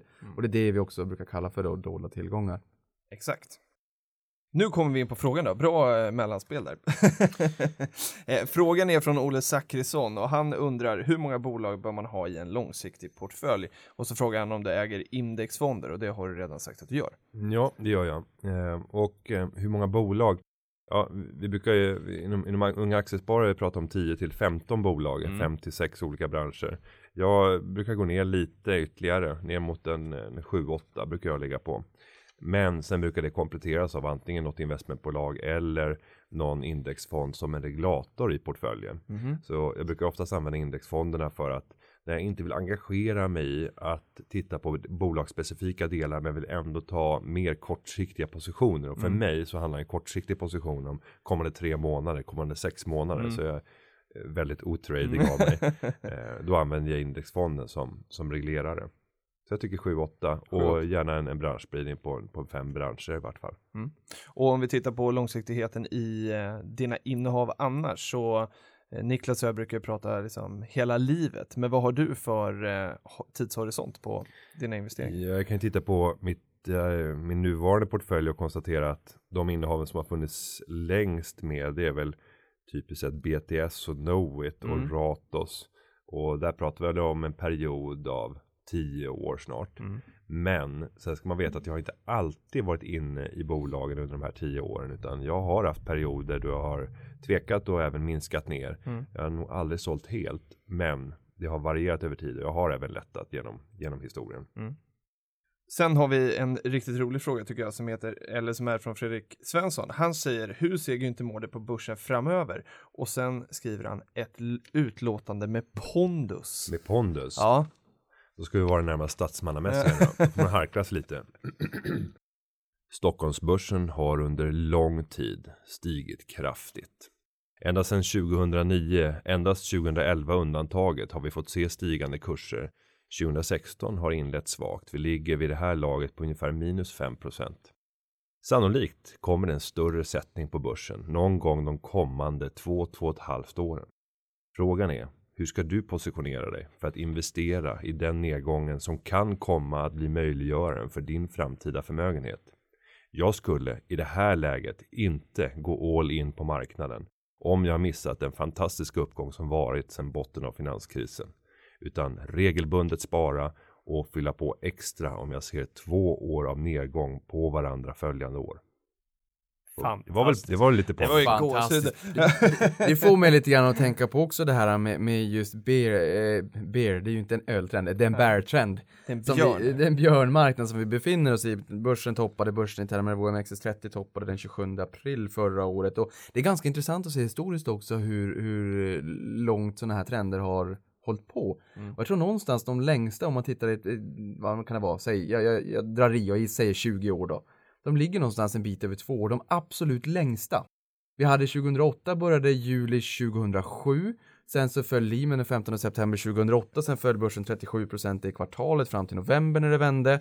Den längsta tror jag i, i modern tid borde vara eh, IT-kraschen. Ja, det var Från mars. 00 till 02. Mars 2000 eh, bröt ju den ut 6 mars och sen så på allvar så, så bröts den ett eller tre år senare, nästan precis där i mars. Du kunde se egentligen innan, för du hade lägre värderingar i slutet av, av 2002. Men på allvar så skapades det en, en uppåtgående trend då. Så där var det ju, där var det ju tre år. Men, och det är därför jag brukar säga att om börsen har gått ner två på varandra följande år och sen så är den där årsskiftesjämförelsen rätt, den är rätt tokig. För att eh, börsen tar ju inte hänsyn till att det Nej. råkar vara ett årsskifte utan det är bättre att titta på just ja, april förra året, det var då det toppade. Och jag tror att några av lyssnarna säkert var på plats när jag och Joakim Bornold och Erik Lidén var på Handelshögskolan vid Göteborgs universitet den kvällen. Och vi stod och, och, och närmast skrek från scen. Festen är över. Hem och sälj.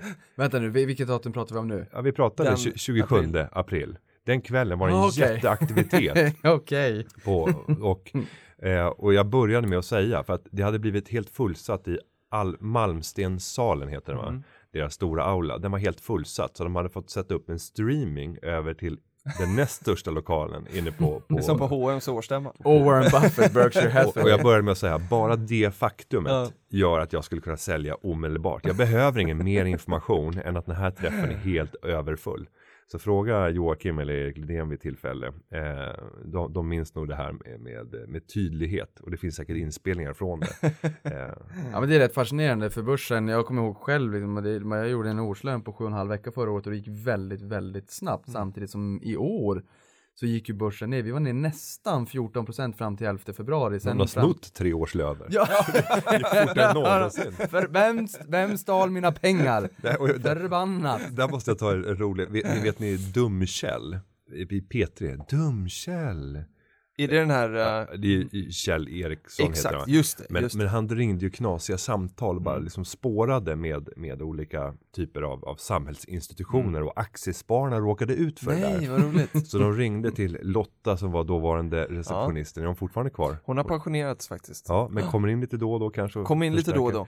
Nej, och då var det Lotta receptionen som man hör när Dumkjell ringer. Bara, och det var 2003. Så bara, nu har börsen gått ner med 66 procent. Och så räknar de upp hur många miljarder som hade försvunnit. Vem har de pengarna nu? och sen så hör man Lotta bara, jag ska koppla dig vidare. Så tror jag, jag undrar om det inte var Lars Milberg som fick frågan. Så bara, jag är Lars Milberg, chef för intressebevakning på Aktiespararna. Så bara, ja, ja det har, börsen har ju gått ner väldigt kraftigt. Var, var har alla pengarna? Men säg att eh, det, pengarna har försvunnit. Var, var är de någonstans? Är det någon som har hittat dem? Kan ni ge något tips på var finns de? Eh, Så skulle han förklara att nej men det fungerar inte riktigt så för att när, när börsen gick upp så eh, var det egentligen bara att folk började bjuda över varandra och, och pengarna fanns egentligen. Fanns pengarna inte? Var det en blåsning? Var, var allting bara en scam? Så bara, nej, nej det var det inte för folk stod beredda att betala ett högre pris. Nej, det var extremt underhållande. Kan ni få fram det så, så, Det så leta. Och, och eh, jag tror att upphovsrätten har gått ut så ni borde kunna sända det direkt i Prata pengar. Ja, det hade varit fantastiskt. Eh, Men jag vill också bara där säga att eh, jag såg precis i Mm. telefonen när det poppade upp Dagens Industri skriver att antalet rika ökar över 100 000 dollar miljonärer och jag, antar utan att öppna här att det är Sverige då. Så kul för dem helt enkelt. Ja, och frågan där är om man även tar hänsyn till bostad. Det vill ju inte jag. Nej, då Göra. blir det lite, det blir kanske det bara ska vara finansiella tillgångar. Men, men samtidigt så blir det också lite skevt. Jag har ju 5 miljoner i lån Mm. eh, och, och jag är ju dollarmiljonär på mitt konto. Men om jag skulle eh, netta ut och liksom betala av bolånet då skulle jag ju fortfarande ha nettotillgångar. Men om jag inte fick räkna med den så skulle jag inte förefalla vara dollarmiljonär. Men det där är ju också ganska roligt när man pratar eh, om Sveriges och hushållens skuldsättning. För det där Mm. var ju en, en, en eh, het potatis för Riksbanken innan Finansinspektionen fick makrotillsynen. Och där kunde man ju inte heller titta på hur, hur sparandet såg ut bland svenska hushåll. Man tittar på skuldsättningen men man har ingen riktig aning om tillgångssidan. På samma tema då. Så det är väldigt intressant och där vill vi väl kanske då mena på att man tittar på nettotillgångar, alltså vad har man för tillgångar minus vad har man för skulder då. Och sen brukar man inte alltid heller titta på den reala biten, alltså både bostad och, och eller både lägenhet och fastighet utan snarare finansiella tillgångar då. Aktier, och- och- obligationer Och, och det man ofta glömmer att titta på när man tittar på den yngre generationen Mm. i storstäder som har belånats upp över huvudet. Det är att också studera sambanden med deras föräldrars ekonomi. Ja. För det är väldigt sällsynt enligt min mening att personer som inte har föräldrar som kommer att eh, kunna sälja sina eh, fastigheter till fantastiska vinster. Att den gruppen av ungdomar som inte har det skulle belåna sig upp över huvudet. Nej, för man skjuter ju bara belåningen på sina föräldrar i så fall då. Ja, och, och det, är- det sambandet syns inte i statistiken. Och, och jag tror att det är många som har både 40 och 50-talister som Mm. föräldrar som sitter med närmast obelånade bostäder och kanske fritidshus. Mm. Och som kommer att kunna casha hem både 8, 10 och 12 miljoner Mm. på, på sina fastigheter. Vilket ska rinna ner till nästa generation. Mm. Och då kanske det inte är konstigt med en, en ung person som är, är 25 år som har 3 miljoner i lån. Nej, verkligen inte. Och där tycker jag också, där blir det lite grann en köprek på, på svenska nätmäklare i och med att vi har en stor skara äldre personer i Sverige med, med väldigt mycket tillgångar och när de någon gång i framtiden faktiskt ska transfereras ner till nästkommande generation så har de ett mycket mera dig, moget digitalt beteende och kommer förmodligen vara kunder på, på nätmäklarna snarare än storbankerna. Så där har vi väldigt mycket pengar som kommer transfereras. Där händer det något. Ja. Nu vet jag att Niklas måste sticka till jobbet snart och Günther har ju också ett helt, en, helt organi en hel orga organisation att sköta. Men vi ska försöka ta sista frågan. Vi fick, ja, Kan vi inte göra så här om vi, om vi, tar, om vi skj- försöker bara skjuta några frågor så, så blir det så här max två meningars svar på varje fråga. ja, men så kan vi göra. Vi börjar med första då, som är från Öre och Krona. Hur hinner han med allt, står det. Varje dag är mannen i olika städer och representerar. Hur balans balanserar han livet? Eh, balans i livet är skitsnack. Tro inte på någon som talar om det. Det gör man oftast i rekryteringssammanhang. Det Här finns alltså inte livet. Nej, inte om du ska göra karriär Nej. på, på det sättet som jag definierar det. Alltså ska du ta stort ansvar, då måste du också stå beredd att offra någonting. Och nu har min familj fått lida rätt Mm. mycket för det. Eh, nu har jag lovat mig själv och även tagit upp med, med min Günther att vi ska lägga om. Eh, så att jag ska ha mer ledig tid. Så man kommer se mindre Mm. av mig tror jag till hösten.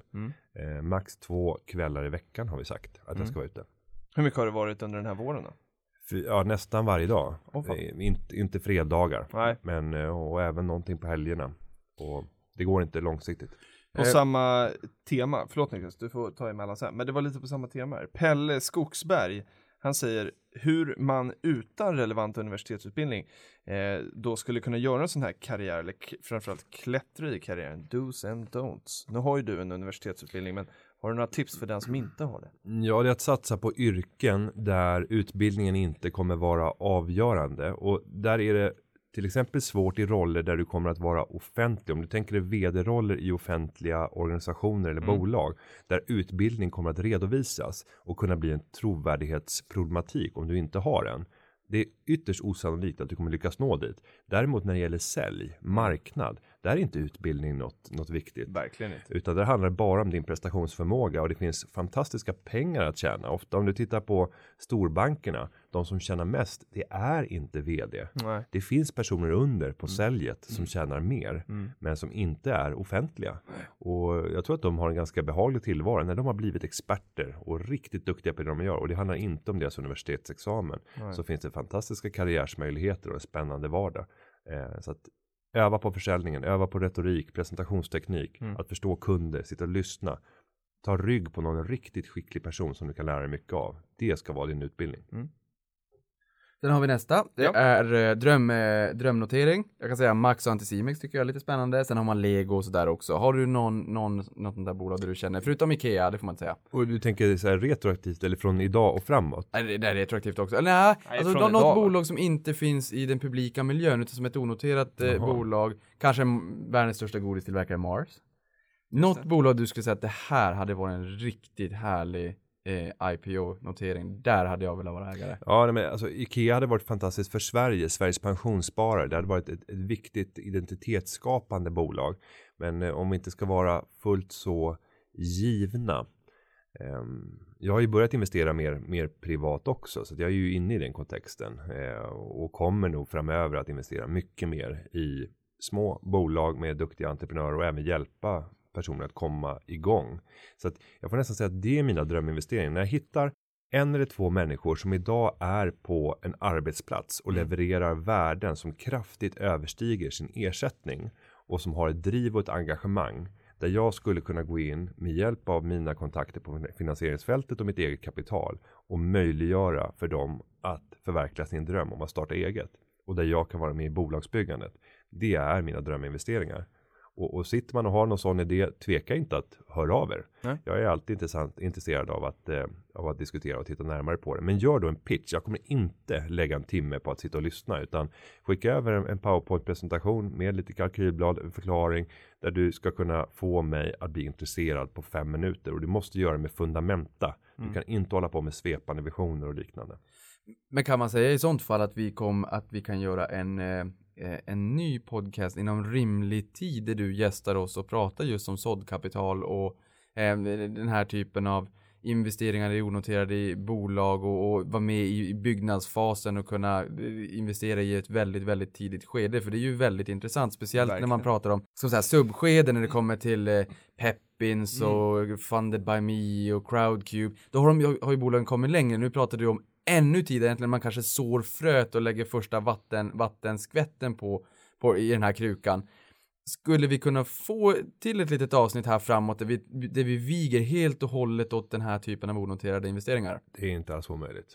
Det ser vi till att lösa. Det ser vi till. Det, det låter som ett ja. Då kanske du får med dig några pitchar också om det är någon som har skickat in. Ja, gärna. Så, så inför ett sånt avsnitt så kan Ja. vi ju be folk att, eh, att, Skicka att in. skick, skicka in och sen kan jag granska dem innan och ge feedback. Vad är det som, som eh, får mitt hjärta att börja banka och min plånbok att öppnas på till bredden?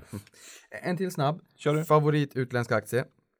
Eh, ja, alltså nu, eh, nu har jag ju Fortum som enda utländska aktie här.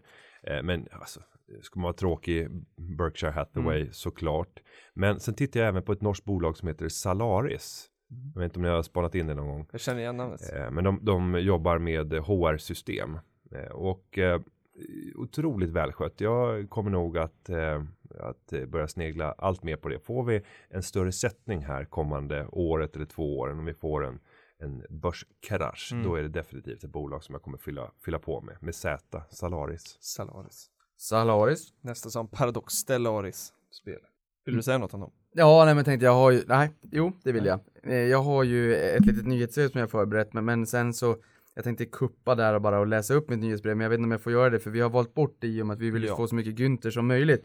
Men, men en av de här som jag skrev upp där var bolaget kinesiska Tencent, Mm. marknadsvärde på 1600 miljarder som gick in i Paradox och köpte 5% här för en tid sedan. Nu har de köpt 5% av finska Supercell för 70 miljarder. De köpte inte ens 100% av bolaget utan de köp- köpte faktiskt bara 84% men det visar att de är ju på förvärvs förvärvsvå, eh, helt enkelt och är beredda att betala ganska mycket pengar för spelbolagen. Och eh, när Fredrik Wester från Paradox var här och gästade Mm. oss så sa ju han att han tyckte att King såldes alldeles för billigt. Ganska kaxigt. Och Mahjong också. Ja. Så det, ja det var lite, mm, Mojang. Mojang också. Mm. Så är det. Vad... Nej förlåt, jag pratar inte Mojang, jag menar inte Mojang, jag menar det här spelet som Minecraft. Ja, men pratar det är jag om. Mojang. Det är Mojang? Ja. Ja. men vad bra. Jag har börjat bli lite gammal det kommer till sånt där. Ja, men det var, då hade jag ju rätt för en gångs skull. Helt rätt. Har vi någon sista fråga Niklas? Ja, eh, nu ska vi se här. eh. Jag kan skjuta en emellan. Eh, det är miljonären 30, en favorit i vårt eh, Mm. Twitterflöde som undrar hur din, din familjs totala månadskostnader ser ut nu eh, eller om de ligger kvar på horribla 20 000 kronor i månaden som man sa innan. Nej, de, de har eh, fortsatt att öka. Vi De ligger på 22 000 kronor. Oj. 10 procent, snacka Oj. om att det finns inflation. Så äh, nej, men det har varit en, en snabb vandring. Det började på 8000 år 2008-2009 när jag blev vd för, för Aktiespararna och sen har det successivt seglat upp. Men då ska jag också tilläggas att tillväxten har ju varit eh, fantastisk i vår familj. Mm. Vi hade en 25-procentig tillväxt eh, nu eh, senast när vi fick eh, senaste förstärkningen. Eh, 14 veckor sedan kom det ytterligare en baby så Mm. nu börjar vi bli en, en riktig En familj. stor familj. Ja, och det ska man ha i beaktande. Mm. Och jag lever ju alltjämt en lyxtillvaro eh, just nu, men till en kostnad som är lägre än vad ett eh, vårdbiträde och en verkstadsmekaniker normalt spenderar på ett liv. Det är otroligt alltså. Det är smått otroligt. Det, är Ja, det börjar, bygga, börjar byggas upp en klan.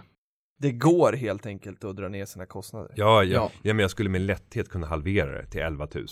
Ja, så du har lite spenderarbrallan i det, i det här Ja, också? jag, jag lever ju livet nu. Fan, 26 grader i poolen. Alltså de där, de där graderna är inte gratis ska jag säga. Nej men där har vi solcellen, solpanelerna. Jajamensan, men, men det är en initial investering där. Även om räntekostnaden är väldigt låg så skulle du kunna finansiera på det sättet. Men Men, men en, en till, viktigaste nyckeltalen. När man tittar på bolag som man är lite nyfiken på. Eh, jag känner själv ops, omsättningstillväxt, vinsttillväxt, man vill ha lite utdelning, man vill ha lite marginalexpansion över tid och sådär. Känna att man, har, man litar på ledningen. Vad är det som gör att, och för att inte tala om return on equity och return on assets, det är sådana som jag går igång på. Vad går du igång på när det kommer till, till nyckeltal? Vilka nyckeltal tittar du på och känner att det där ser intressant ut. Nu vill jag läsa lite mer. det skiljer sig jättemycket åt beroende på vilken typ av bolag det är. Men om vi tar eh, bolag som inte är tillgångsvärderade, för det är en egen klass i sig och det kan vara allt från projektbolag till fastighetsbolag som är tillgångsvärderade med, med mera. Men om vi tar rörelsedrivande bolag som värderas utifrån vinst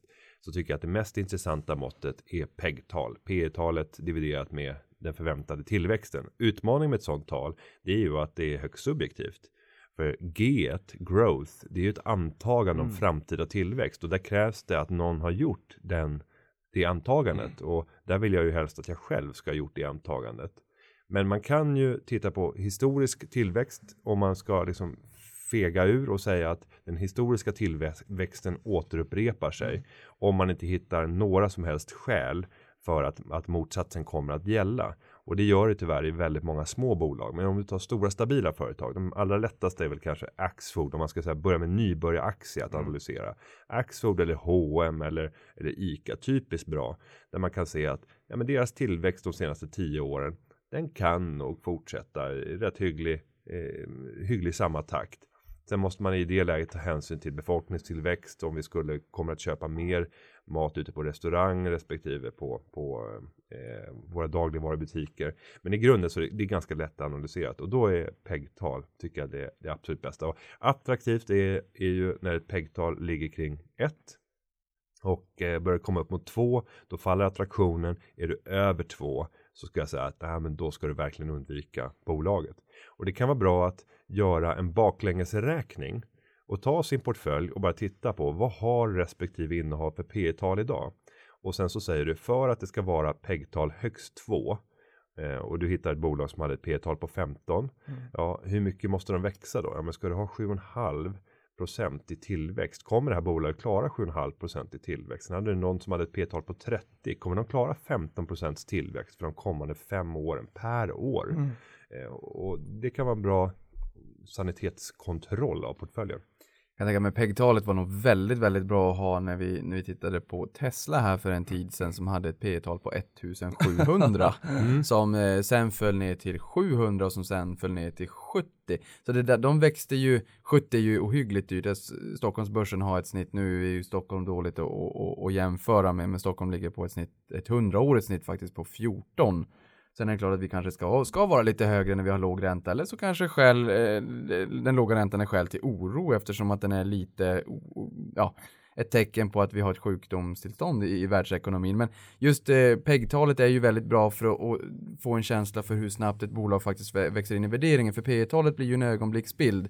Sen kan man ju titta på nästkommande års P tal också, men just PEG-talet som du säger, det är ju väldigt enkelt att se okej, okay, hur snabbt växer jag in i kostymen? Mm. Det är ungefär som att jag går in på klädaffären och köper en, en eh, kavaj som är två storlekar för stor, men jag säger att jag ska bli sumobrottare, så jag går och käkar buffé och käkar och käkar varenda dag i två veckor. Ja, men då kommer jag ju faktiskt att växa in i den där kostymen ganska snabbt.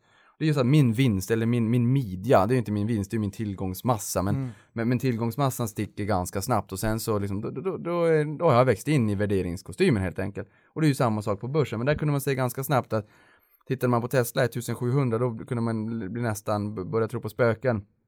Men om man faktiskt tittar på PEG-talet insåg man, ah, okej, okay, det är fortfarande kanske ganska högt, men de växer ändå in i det rätt fort. Nu är ju det här ett extremfall, men, men eh, PEG-talet i den bemärkelsen är ju faktiskt väldigt bra som ett komplement att faktiskt få som, ett, som ett riktmärke. Mm. Vart, vart vinden blåser. Och, och sen eh, ett annat eh, sätt att eh, hitta intressanta köpkandidater. Det kan vara att studera hur analytikerrekommendationer förändras över tid. Och där har jag gjort studier historiskt där jag kan se att ett perfekt läge att köpa det är när du har sett en nedåtgående trend för rekommendationer när analytikerkollektivet successivt har ställt ner sina förväntningar och sänkt sina, sina rekommendationer. När du ser att den trenden bryts och du börjar komma i en stigande trend och du ser de första uppjusteringarna. Det brukar ofta vara mm. ett lysande tillfälle när alla på marknaden skriker sälj, men du ser att nu börjar analytiker att vända och går från från eh, stark sälj till sälj, från någon av från sälj till behåll. I de lägena så har det varit, varit lysande och där har ju SME direkt den Just datan det. som gör att du kan i vissa bolag se 30 mm. analytiker. Mm. Du måste upp till, tycker jag, ett antal av minst 7-8 stycken för att det ska bli relevant mm. och, och göra en sån här jämförelse. Men titta tillbaka historiskt. Du kan få fram eh, den, den datan för att se historiska rekommendationer tillbaka 15 år i tiden mm. i, i vart fall och gör bara bakstudier på vad hade hänt om du hade köpt när alla analytiker skriker sälj men den första börjar justera upp. Och den första räcker inte, du måste ha några till för att se att det är en trend. Så att du ser att det börjar bli ett uppställ i mm. rekommendationerna. Men det är, den, och det är den där effekten vi pratade om tidigare där att man, att man trycker ner en stor badboll under vattenytan i poolen så släpper man upp den, det går väldigt fort upp. När alla är så bäsiga de bara kan vara, när ingen vill äga aktier och få, det börjar vända och flödet vänder, ebb blir flod. Så är det väldigt stora kapitalflöden som ska in i marknaden. Eh, och bara på tal om det, jag tror vi sa det förra veckan också att ehm, eh, kontantandelen av, av fondförvaltarna globalt ligger på rekordnivåer som vi inte sett sedan 2001 och även aktieexponeringen är på fyra års lägsta. Mm. Um, och sen vet inte jag hur mycket av det här medlet som är lånade pengar heller, men det, det är ändå mycket pengar som står vid sidlinjen. Mm.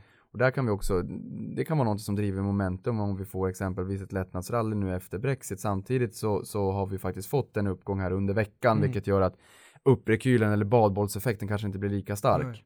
Men, men precis som du säger, väldigt intressant att se där när analytikerna alla är bäsiga, ingen vill ta i, i aktier med tång och blodet flyter på gatorna inom citationstecken som man brukar säga, ja då är det ju väldigt spännande att faktiskt äga aktier. För jag tittade på botten, både IT-kraschen och 08 botten där, om man har prickat in dem så de slantarna som sätts in där exponeras i båda gångerna över 200% uppgångar. Sen är det så här, ja men det är lätt att säga det och om man satt på pengarna från början så fick man vänta flera år innan man fick tillbaka pengarna, Mm. exklusive utdelningar. Mm. Jo, men om man köper på sig löpande hela tiden och kanske köper extra mycket nyrör, allra som jävligast, Mm. ondast. De pengarna har allt som oftast historiskt fått en riktigt, riktigt bra resa och bra förutsättningar för att jobba väldigt starkt på det finansiella gymmet. Mm. Ehm, och det är intressant att se, även som vi sa där, att någonstans tre år är, är, är tror vi i alla fall, typ den lä- längsta nedgångstrenden, eh, om vi tittar åtminstone i, i, i vår generation Mm. och de, de dipparna som har varit. Så är det. Ja, Eh, det här blir nog rekordavsnitt. Vad härligt det har varit att, att snacka aktier med, med dig. Och den dagen Niklas inte är med så kanske vi bjuder in Günther istället. Om du är bortrest eller något sånt där. det är jag En bra aldrig. Det var ju någon som frågade här också på Men du får Twitter komma om- när du vill. det var ju någon som frågade om du ser dig själv i Niklas. Eh, jag vet inte på vilket sätt, om det är liksom i, i det yttre eller i aktieintresset. Nej, men jag, jag känner mig ju lite, om, om, om jag är någonting så är jag norrlänning. Eh, så, så att lite där känner jag, men, men för mig så är inte jag någon riktig norrlänning utan det är mer liksom Hälsingland, Medelpad. Det är där som jag, jag känner att jag har varit hemma. Jag jobbar som dräng utanför Sundsvall under somrarna och vuxit upp i Hälsingeskogarna. Så det, där känner jag mig eh, mer hemma än många andra platser i Sverige. Sen så det här engagemanget, Mm. det, det tror jag nog är den, den starkaste igenkänningsfaktorn. Och jag tror att det är det man ska leta efter som, som ung idag. Var är det jag tänder till? Var är det det händer någonting inom mig? Mm. Där jag börjar brinna för någonting. Och det är det du ska göra. Inte det du tänker att du ska göra. Nej. Utan när du känner att här tänder det till. För då kommer resultaten att komma. Nej, häftigt. Och Bra det, och, slutord. och det är ju sådär igenkänningsfaktorn att och vi faktiskt gör det här för att vi brinner för det. Och det, det det. är just det brinnande engagemanget och det är ju som vi brukar säga att Unga Aktiesparare är en plattform för att träffa likasinnade. Eh, men vet, vet du vad, jag skulle faktiskt kunna dra nyhetssvepet på under en minut. Tror du det? Ja, det tror jag. Okej, vi då testar vi. Eh, den första är Tesla som lagt ett bud på Solar City, men det är inte helt problemfritt eftersom att Musk, nu har jag alltså öppnat upp det här i smyg i min telefon så att det, vi hade kapat bort nyheterna på, på, på pappret som vi har när jag har det här. Ja, precis. Man, man hade alltså lagt ett bud på Solar City, men det är inte helt problemfritt eftersom att Musk har ju faktiskt belånat sina aktier i Solar City som han då sen köper med en premie via Tesla som han också äger, så det är lite Stökigt. konstigt. Lauris.com slutade 8% upp första handelsdagen. Det var ju lite grann av en, lite grann av en flopp på när, när det skulle komma till notering. Man sänkte priset väldigt, väldigt kraftigt och sen så första handelsdagen så gick den faktiskt upp lite grann, men, men den stängde ju långt under då vad man egentligen hade tänkt notera den på några veckor tidigare. Investors vd Johan Forsell har fortsatt att storhandla aktier i egna bolaget. Han har ökat A-innehavet med 47% i juni i tre separata transaktioner. Och han har också, tittar man historiskt på honom via holding, så har han haft en fantastiskt fin utveckling på många innehav som han köpte 2010, 2011. Det, det är väldigt fina siffror att visa också på långsiktigheten och han är ju inte ensam, men det var så, så, så enkelt att kunna se affärerna och, och att det faktiskt är lönsamt långsiktigt att att äga aktier i bra bolag. Reflektion, Vitrolife har stigit 1400% senaste fem åren. Topline, och när jag säger topline menar jag omsättning. Den har växt med 25% per år senaste tre åren och rörelsevinsten med 50% de senaste tre åren enligt Dagens Industri. Det var lite kul. Världens största regionala temapark Six Flags med 830 å- åkattraktioner och 29 miljoner gäster årligen siktar på Saudiarabien. Går de in där? En fråga till er två. Skulle ni kunna skicka nakenbilder till kreditinstitut som säkerhet för lån? Nej, tänkte väl det. I Kina är det en realitet. Det gör man där, sen så hotar man att skicka det till familjen om man inte betalar. Eh, galet, men det var också Dagens Industri som rapporterade det då. Disney Pixars senaste film Hitta Dory slog rekord i Nordamerika i helgen. Vi, hittade, vi hade Hitta Nemo 2003 som varit en, en fantastisk fin rulle. Nu kommer den här in, har slagit alla tiders rekord någonsin för en animerad film den första helgen. Eh, den, den bästa någonsin i alla kategorier eh, blir Frozen när det är animerat, det är också Disney. Boeing har tecknat avtal med Iran om att leverera 230 plan. Det roliga är att Iran har totalt 250 plan i hela landet och 230 behöver bytas ut. Det är bra för Boeing. Jag tror pipeline ligger på någonstans nio år, men Iran Mhm. kanske får lite förtur. Och man har pratat om det där när Iran släpp, sanktionerna släpps, att det är väldigt potentiellt fin marknad för många Mm. bolag att exportera. Kinesiska Tencent som köper, köpte 5% av Paradox, det har vi redan nämnt, köper 84% av finska Supercell för 70 miljarder, alltså bara 84, inte ens 100%. Handelsbanken ut 6,67% för några dagar sedan och det är jobbigt för en aktör som hade blanka 0,5% av kapitalet i banken. Det är en stark uppförsbacke och det är första blankningen vi har haft i Sverige någonsin bland storbankerna. Och sist men inte minst, Shanghais Disney's twice as big as the one in California opens in June 16th. Råkade vi prata engelska. Det innebär att, ehm, bara för att optimera tiden, Disney har alltså öppnat upp i, i, i eh, Shanghai Mm. och den är dubbelt så stor som den i Kalifornien. Väldigt spännande att se vart det bär hän och de har ju, Disney har ju temaparken men även stora kryssningsfartyg också. Tack för mig! Och tack till dig. Jättetack Niklas. Eh, fantastiskt nyhetsred som vanligt. Och nu lät jag dig prata. Jag fick ju lite feedback på, på Twitter om att Filip, låt Niklas prata. Nu har jag gjort det idag. Eh, och stort tack till dig Günther. Vi önskar dig en trevlig midsommar och du är Glad varmt sommar. välkommen tillbaka. Stort tack Günther och Tack så mycket. avkastning på dig. Och tack Patrik också. Ha det gott. Hej. Ha det gott!